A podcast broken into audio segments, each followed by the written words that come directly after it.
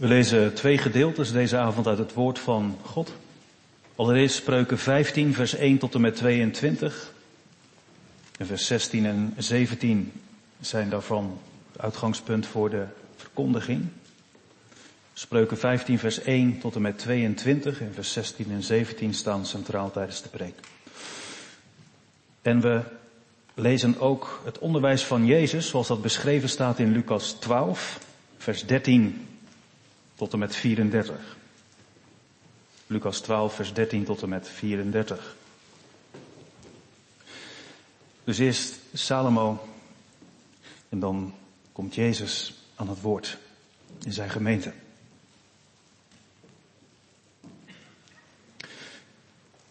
Spreuken 15 vanaf vers 1. Een zacht antwoord keert woede af, maar een krenkend woord wekt toren op.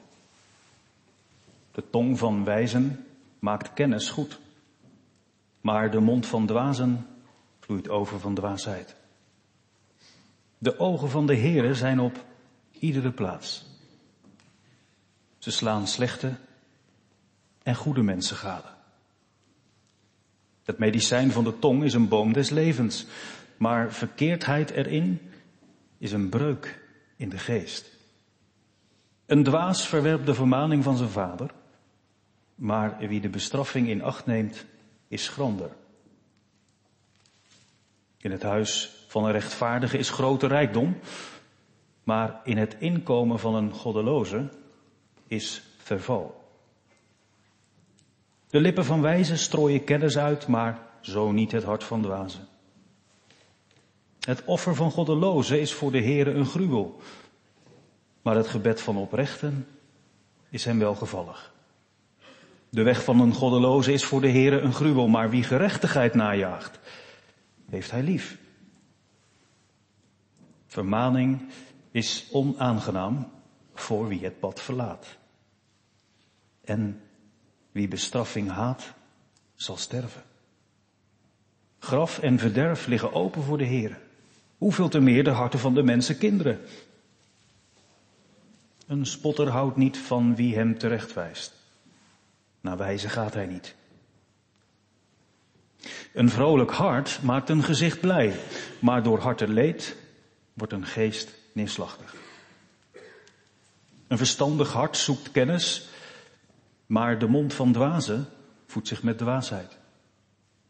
Alle dagen van een ellendige, dat mag je ook vertalen met arme, alle dagen van een ellendige zijn slecht, maar een blijmoedig hart is als een voortdurende maaltijd. Letterlijk staat er feestmaaltijd. Dan komen vers 16 en 17. Beter is weinig met de vrezen des Heren dan een grote schat met een verwarring daarbij. Beter is een schotel groente waar liefde is dan een gemeste os met haat erbij. Een driftige man veroorzaakt ruzie, maar een geduldige stilt oneenigheid. De weg van een luiaard is als een doornhaag, maar het pad van oprechte is wel gebaat. Een wijze zoon verblijdt zijn vader, maar een dwaas mens veracht zijn moeder.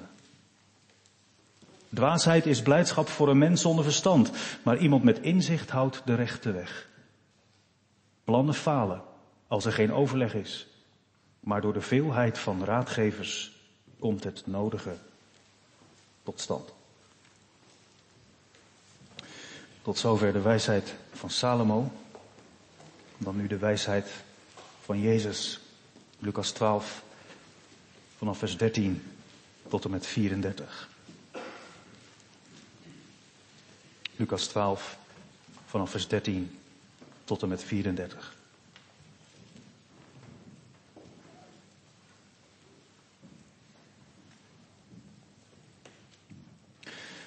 En iemand uit de menigte zei tegen Jezus, Meester, zeg tegen mijn broer dat hij de erfenis met mij moet delen.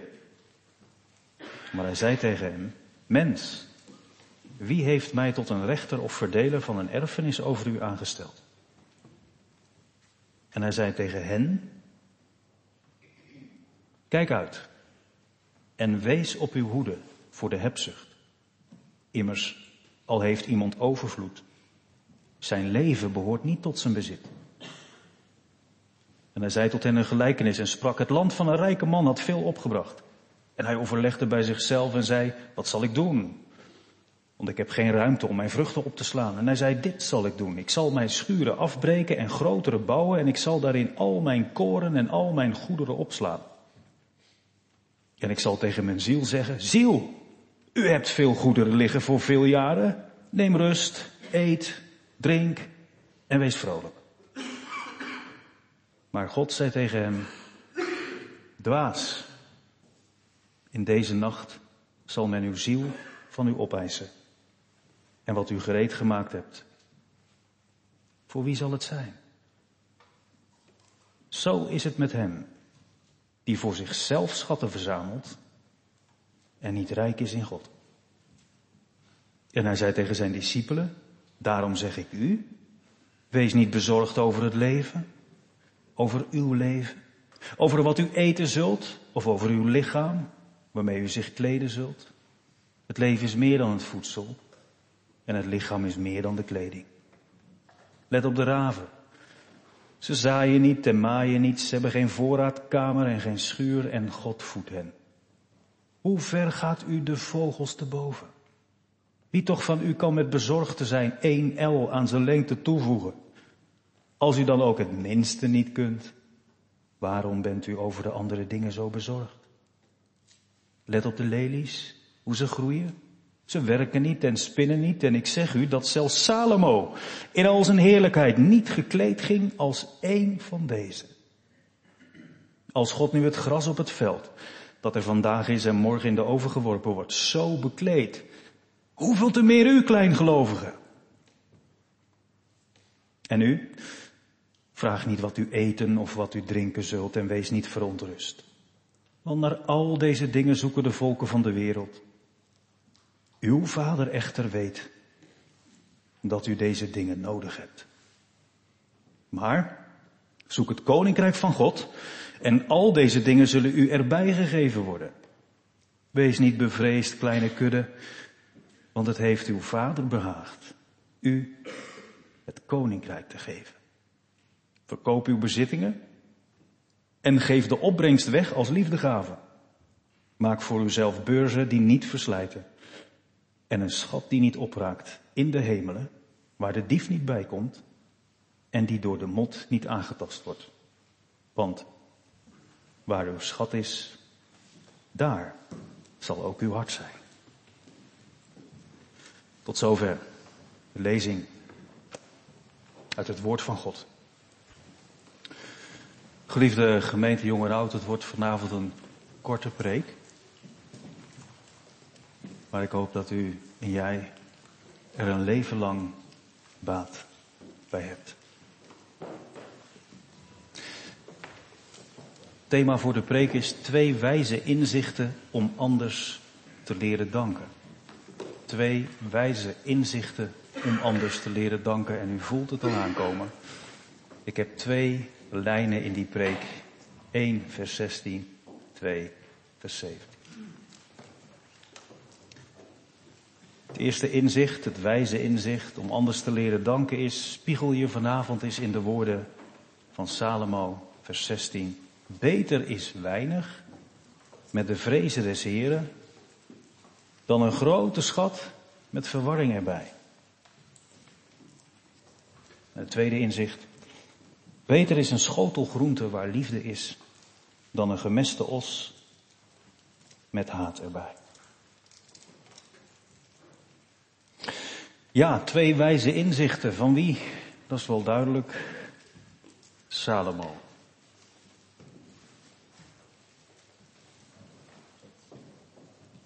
Hoe goed ken je hem? Ken je hem vooral als de man die dat wijze besluit had toen God zei, vraag me wat je wil. Die zei, ik vraag allereerst om wijsheid. Hij was blijkbaar zo wijs dat hij wist, als ik daarom vraag, dan krijg ik de rest ook wel van God. Zei eens een slimme kattegezant tegen Wat een man. Zo door God geïnspireerd. Dat hij dat koninkrijk van Israël kon leiding geven. Mee mocht helpen aan de bouw van de tempel. Zulke wijze besluiten kon nemen om zijn volk te leiden. Als je daaraan denkt, heb je helemaal gelijk. En tegelijkertijd is diezelfde Salomo ook iemand die stapje voor stapje door de moeilijke periodes van een mensleven heen heeft geleerd. Door schade en schande, maar ook door genade. Dat niemand, ook Salomo, kan zeggen, ik heb de wijsheid in pacht, ik heb het op zak, ik hoef er mijn best niet voor te doen. Het gaat vanzelf, het leven rolt zich als een rode loper voor mijn voeten uit en ja, dat heb je nu eenmaal. Als je gevraagd hebt om wijsheid, dan komt het er vanzelf uit. Wie het boek Spreuken goed leest, voelt wel aan. Salomo heeft goed rondgekeken in zijn eigen hart. En hij weet dat de Heere de harten van iedereen kent. We hebben dat ook gelezen in hoofdstuk 15. En dat dat in het leven van ieder mens een strijd is. Een strijd om te doen wat God van je vraagt. En dat brengt me allereerst bij u, waarvan ik weet dat ze er vanavond zijn of meeluisteren. Die meteen de pijn voelen bij vers 16. Twee wijze inzichten om anders te leren danken. Ja hoor, dan krijg ik de eerste veeg uit de pan van die wijze Salomo. En je voelt je in één krimpen. Het zal wel weer Gods wijze bedoeling zijn dat ik daar met de neus op word gedrukt. Wat dan? Op weinig. Hoezo is dat beter? Heere God, weet u dan niet dat ik, dat ik veel meer redenen zou willen hebben om u te danken? Maar het is niet gelukt. Weet u dan niet dat ik mijn best heb gedaan? Dat ik veel liever van u hoor dat het beter is om sterker te zijn, om sterker te worden, om niet meer te hoeven verliezen. Misschien heb je meegeluisterd vanmiddag. Een preek voor de kinderen. Wat hebben wij veel van God gekregen? En tegelijkertijd deed het je pijn. Want wat heb je nou de afgelopen maanden terug kunnen doen? Ik denk aan mensen met een chronische ziekte. Mensen met een gebrek aan vertrouwen. Niet omdat God niet te vertrouwen is, maar omdat ze in hun leven beschadigd zijn. Beschadigd door mensen, door leiders, door vaders. En het moeilijk vinden om God te vertrouwen. Beter is weinig. Ja, zegt er iemand vanavond. En wat als ik breek?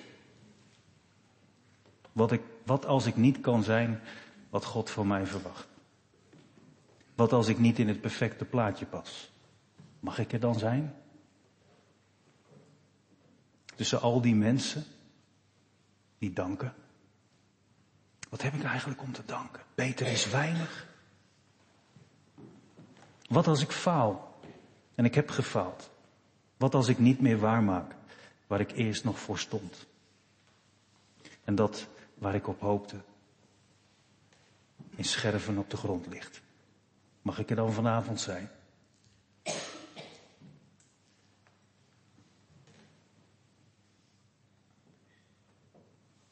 Mogen die er vanavond zijn, gemeente? Op een dankdag.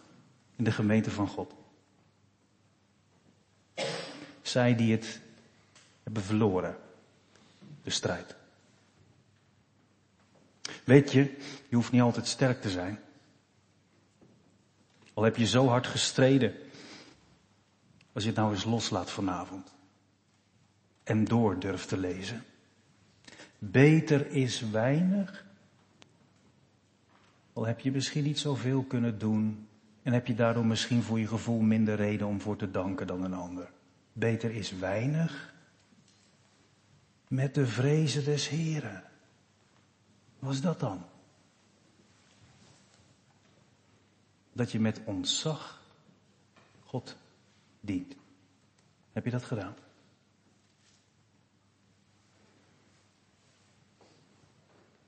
Dat je weet, Heer, u weet alle dingen. U weet dat ik u lief heb.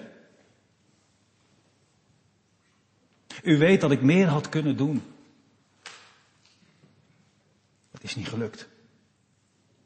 U weet dat ik niet alle die dingen kon doen die andere mensen wel hebben gedaan, maar hier ben ik, heren, aan uw voeten. Beter is weinig met de vrezen des Heren. Dat staat ten opzichte van iets anders. Typisch Salomo. Hij zet dingen tegenover elkaar. En de spreuken die hij gebruikt, die lijken soms elkaar tegen te spreken. En soms zijn ze dubbelzinnig. En dat is allemaal de bedoeling. Dat je erover na gaat denken. Klopt dit wel? Hoe zit dit nu? Spreekt dit elkaar niet tegen? Wat staat tegenover wat? Zo wil de Heilige Geest met deze woorden niet alleen mensen bemoedigen. Die zeggen, ik zou zo graag wat meer hebben om te danken. Hij wil ook mensen die misschien heel veel reden hebben om te danken in de spiegel laten kijken. Want wat is de keerzijde? Beter is weinig, terwijl je de vrezen des Heren kent, terwijl je met ontzag God dient, dan een grote schat met verwarring erbij. Als God nou vanavond jou de vraag stelt, wat is jouw grote schat? Anders geformuleerd, waar ging de afgelopen maanden de meeste tijd naartoe? Wat heb je het meeste onderhoud gegeven? Waar ging de meeste energie naartoe? Waar heb je het meest in geïnvesteerd?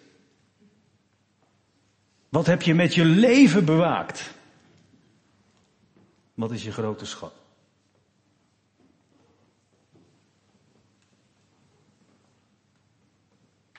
En, als je voor jezelf antwoord hebt gegeven, gaf dat rust? Is datgene wat het meest belangrijk is in je leven? Ook de reden dat je hier rustig zit en zegt, ja heren, daar waar ik de meeste tijd, de meeste liefde, de meeste energie met heel mijn leven aan besteed heb, dat geeft me rust. Ik zit hier. En ik dank u. Ik dank u dat ik dat heb gedaan zonder dat het ten koste ging van ontzag voor u, van een leven met u. Dat zou dan mooi zijn. Maar ben ik de enige die vanavond daar ook wel wat voel schuren? Grootste schat, de meeste tijd. Rust. Is er iemand die zegt, ik voel het gewoon op mijn schouders. De stress was eigenlijk nog niet klaar. Maar ja, dankdag moet naar de kerk. Het valt niet mee om me te focussen, om tot rust te komen, want het houdt me zo bezig.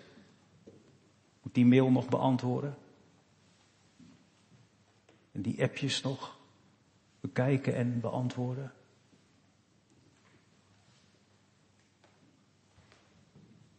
Beter is weinig met de vrezen des Heren dan een grote schat met verwarring erbij.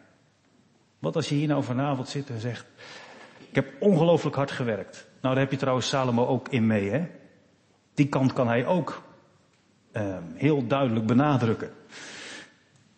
Dat rijkdom vergaren een zegen van God is voor iemand die hard werkt. Niks mis mee. En dat je ellendige toestand ook te maken kan hebben met dat je gewoon weg lui bent geweest. Dat je op dwaze voorspellingen eh, hebt ingezet en daardoor slapend rijk wilde worden en mislukt bent. Kom je ook tegen. Maar die andere kant.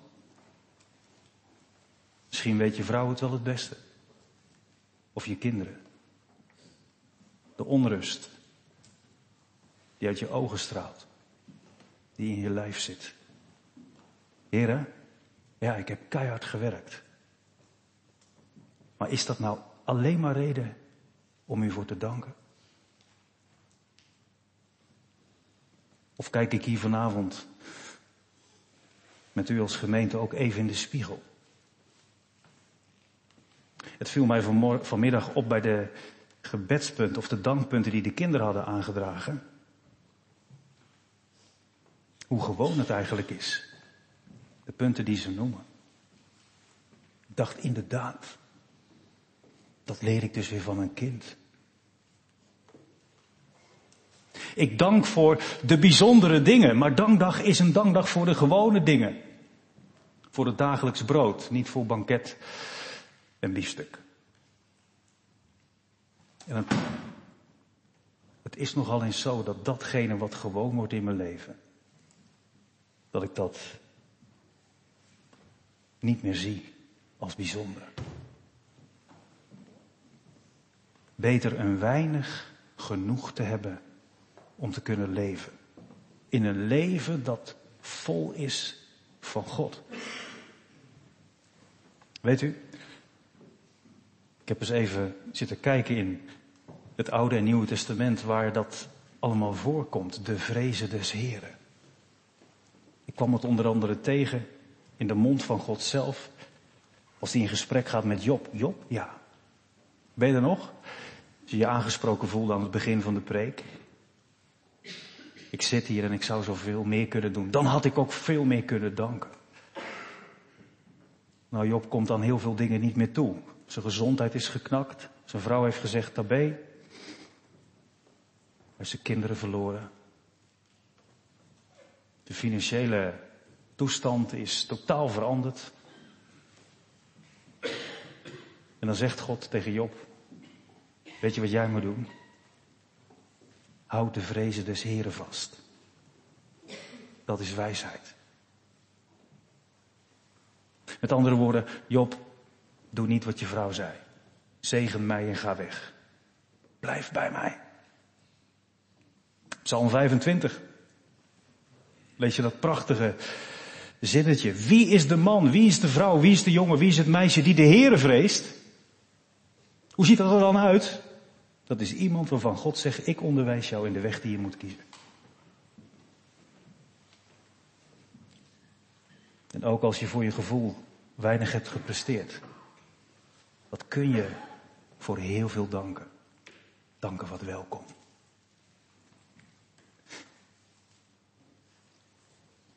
Dat je weet, heren, u gaf mij genoeg om te kunnen doen wat bij mijn weg past. Maar ook weer een spiegel voor degene die zeggen, ik heb zoveel gedaan dat ik niet weet waar ik moet beginnen. Maar was het nou allemaal, deed het er nu allemaal echt toe? Nou, dan is het de vraag, ben jij de man, ben jij de vrouw, ben jij de jongen, ben jij dat meisje die de Heere vreest? Die je leven vormgeeft in ontzag voor wat God van je vraagt. Dan zegt hij ook vanavond tegen jou, ik onderwijs je in de weg die je gaan moet. Dat is een remedie tegen mensen die onrust hebben vanwege al dat werk wat ze doen.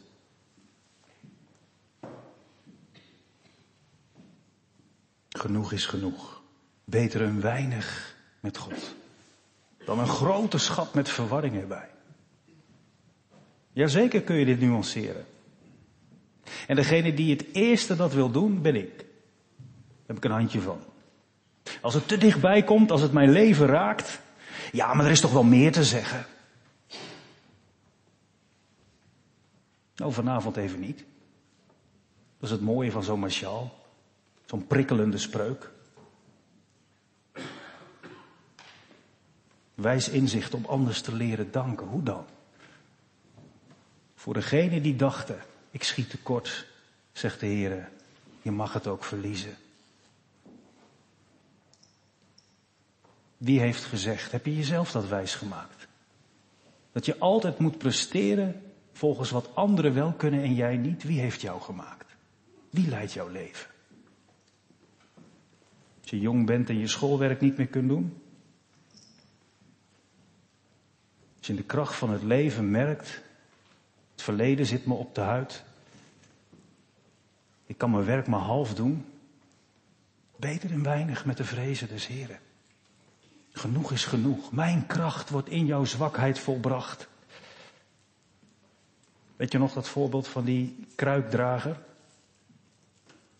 Dat die ene kruik die steeds water lekte. dacht, was ik maar zoals het kruikje aan de andere kant. Die houdt het water allemaal vast. Ik lek. Ik lek toewijding. Ik lek kracht.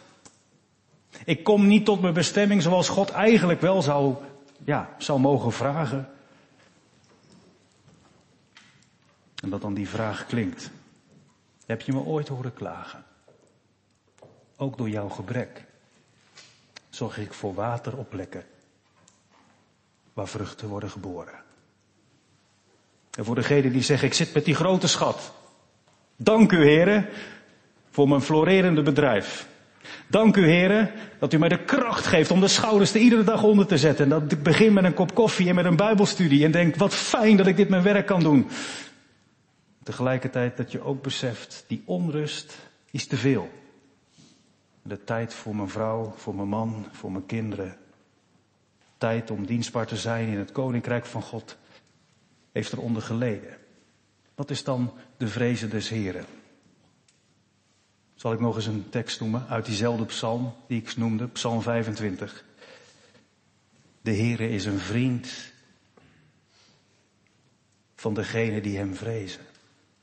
Hij maakt hen vertrouwd met zijn verbond. Wat is een echte vriend?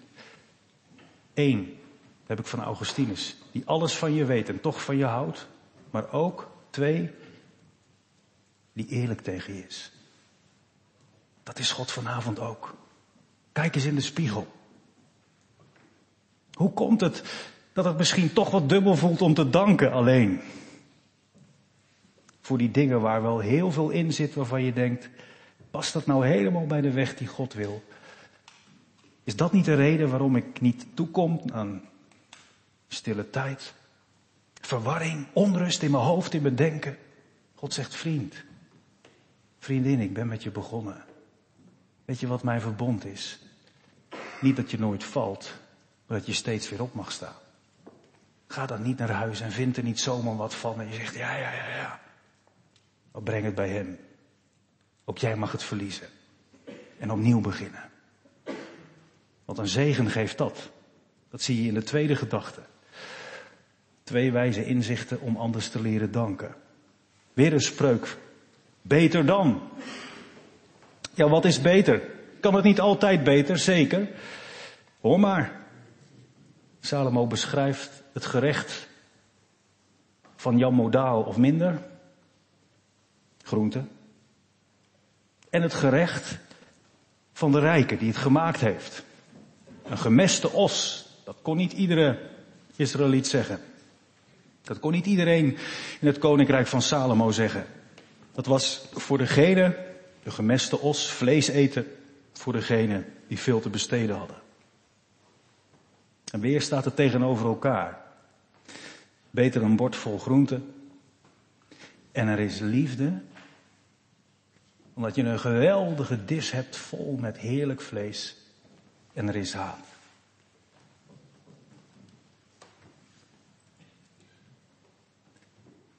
Even eerlijk, wie voelt bij deze tekst opnieuw de neiging om te gaan nuanceren? Maar je kan toch ook met een biefstuk op het bord heel veel liefde hebben tot elkaar. De liefde van mijn man gaat door de maag, zegt een vrouw. Dus als ik een, een heerlijk stukje vlees voor hem bereid, dan is er ook, ja, dan schuif je de, de prikkel in deze spreuk aan de kant. En dat is niet het doel.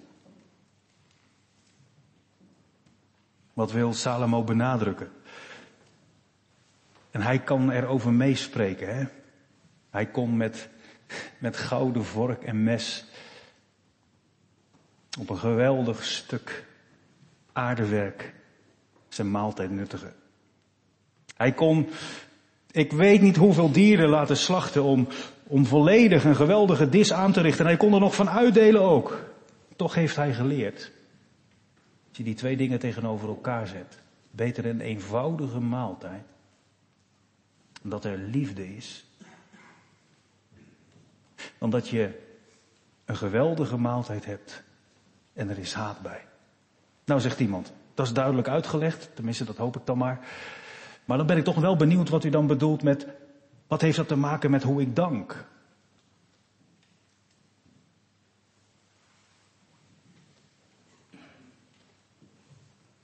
Als ik de temperatuurmeter, de thermometer aan u zou geven, en je zou hem zo eens even gebruiken, op tafel leggen, in je gezin, in je huwelijk. Als wij met elkaar over een poosje weer avondmaal hebben en de temperatuur wordt even gemeten onderling, hoe is het met de liefde?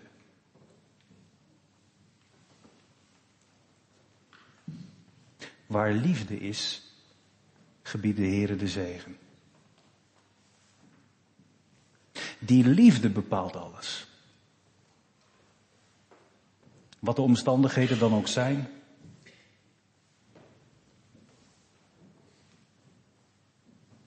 Heeft me al meerdere keren, nou niet verbaasd, maar meer verwonderd. Dat je bij mensen op bezoek komt die, als je het lijstje zou moeten afgaan van of ze geslaagd zijn in het leven, of dat het voor de wind gaat, moet zeggen, nee, dat kan ik afvinken, dat is niet gelukt, dat is niet gelukt. Als er een ernstige ziekte komt, die alles anders maakt. Moest denken aan, aan Paulus, hè? daar zie je het precies hetzelfde gebeuren. Al had ik dit, al had ik dat, al had ik dit, al had ik dat, maar ik had de liefde niet, andersom ook. Al heb ik heel veel niet en ik heb de liefde, dan heb ik alles. Dan heb ik God. Weet je nog, beleidingskattegezanten? God is liefde. En hij zegt, weet je wat de vrezen des Heren is? Hoe ziet het leven eruit als je mij met ontzag dient? Dat je put uit die bron en hier vanavond mag zitten en zeggen, Heren, met mijn beschadigde leven. Heren, met mijn opstandige leven. Heren, met mijn misschien wel ik-gerichte leven. Of, vul maar in. Ik kom terug naar de bron. Leer mij lief te hebben. Zoals u mij hebt lief gehad eerst heb lief gehad. Keken jullie al even aan, Leidenskattegezanten, 1 Johannes 4. Hieraan kennen wij dat God liefde is. Dat Hij zijn Zoon voor ons gegeven heeft tot verlossing van onze zonden. En dat je zo ook vanavond hier beseft. Ik heb zoveel om te danken. Ik heb zoveel om te danken, want de liefde is er. Beter een eenvoudige maaltijd. En de kern van het geloof, de liefde. Omdat ik verstrikt raak in haat. En hoe vaak gebeurt dat niet? Als ik de focus op de vrezen van de Here loslaat en me richt op dingen waarvan God zegt, kijk uit, op zichzelf geld en goed en werk en al die uitdagingen die je in het leven kunt krijgen, op zichzelf genomen niet per se verkeerd. Maar kijk uit, als de focus op mij ontbreekt, voor je het weet, raak je in verwarring. Voor je het weet, is de liefde geweken voor haat. Kortaf, ik gericht Wat is het inzicht van Salomo om ons anders te leren danken? Heere, leer mij allereerst gericht te zijn op wat er werkelijk toe doet. Is het niet bij uitstek Jezus die dat heeft geleerd? Forse woorden, hè? als er iemand bij hem komt en die zegt, nou, hoe wijs is die man? Zeg even tegen mijn broer niet van, wilt u mijn broer en mij eens uitleggen hoe we dit moeten verdelen? Nee, hij is er al over uit hoe het zit. Zeg even tegen mijn broer dat u net zo denkt als ik, dat hij de erfenis met mij deelt. En Jezus zegt, daar ben ik geen scheidsrechter in. En dan zegt hij tegen beide broers, meervoud, en hij zei tegen hen, kijk uit, wees op je hoede voor de hebzucht. Nee, dat hebben wij natuurlijk allemaal niet in de Laankerk. Dat Jezus er vaak over begint. En dat de apostelen in het schrijven van de brieven het punt van hebzucht vaak benoemen aan gemeenten die God al kennen, is veelzeggend. Kijk uit, zegt Jezus, wees op je hoede voor de hebzucht. Want ook al heb je overvloed, hè, prima. Jouw leven behoort niet tot je bezit. Dat heb je niet in de hand. Dat is een geschenk van God. En dat is zo kostbaar. Je leven wat je deelt met je man, met je vrouw, met je kinderen, met je ouders. Wij broeders, zusters in de gemeente van de Heren onderling. Wat is er dan veel om te danken? Ook als het soms tegenzit. Ook als je denkt, hoe kom ik hier doorheen? Ik ben rijk in God. Aan het eind van die gelijkenis van de rijke dwaas hè, trekt Jezus die conclusie. Als iemand alleen maar voor zichzelf schatten verzamelt en er zelf van wil genieten en er niets van deelt en denkt van nou ja, hebben, halen en houden, eten, drinken en vrolijk zijn, los van wat er allemaal nog komt, dan ben je niet rijk in God. Als je dan sterft, dan is het net als Rockefeller. Ik heb het al eens een keer eerder gezegd.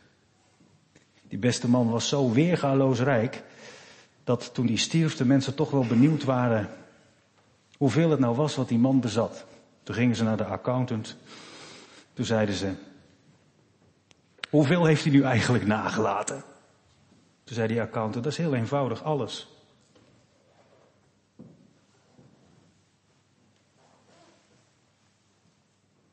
Van onze centen en van onze gebouwen en van onze bezittingen gaat niets anders mee de toekomst in dan dat wat we voor Jezus hebben gedaan. En dat is echt niet alleen maar evangeliseren en een bijbelstudie doen en de huisbijbelkring bezoeken en naar de kerk gaan. Maar het is ook die beker koud water aan je collega. Het is ook dat luisterend oor bij iemand in de straat. Dat je beseft, beter dan het tijdelijke leven is mij de verbondstrouw van God. En daar moet iedereen in delen. Daar moet iedereen van weten.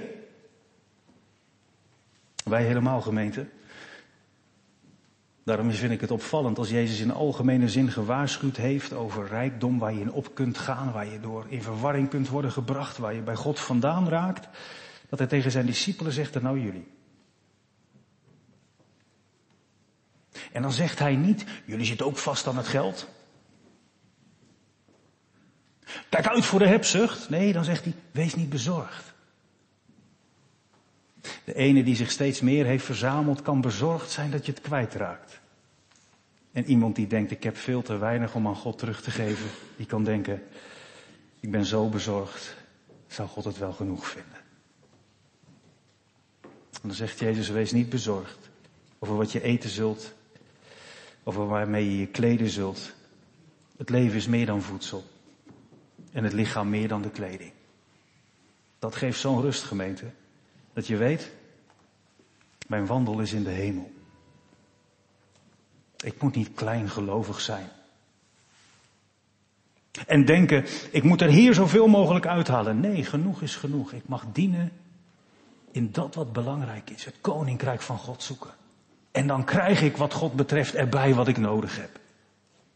Ik hoef niet meer per se te vragen en me druk te maken over wat zal ik nou weer eten en wat zal ik nu weer drinken en die kleren voor morgen en wat dan ook. Al deze dingen zoeken al de volken, maar u, vader, weet dat. Die weet wat je nodig hebt. Ik dank u, heren, dat ik het koninkrijk van u mag zoeken. En dat ik alles erbij krijg wat ik nodig heb. En dat ik uit de mond van Jezus vanavond hoor. Niet bang zijn. Kleine kudde. Beter een weinig met mij dan een grote schat zonder mij en een hopeloze onrust. Weet je wat je moet doen?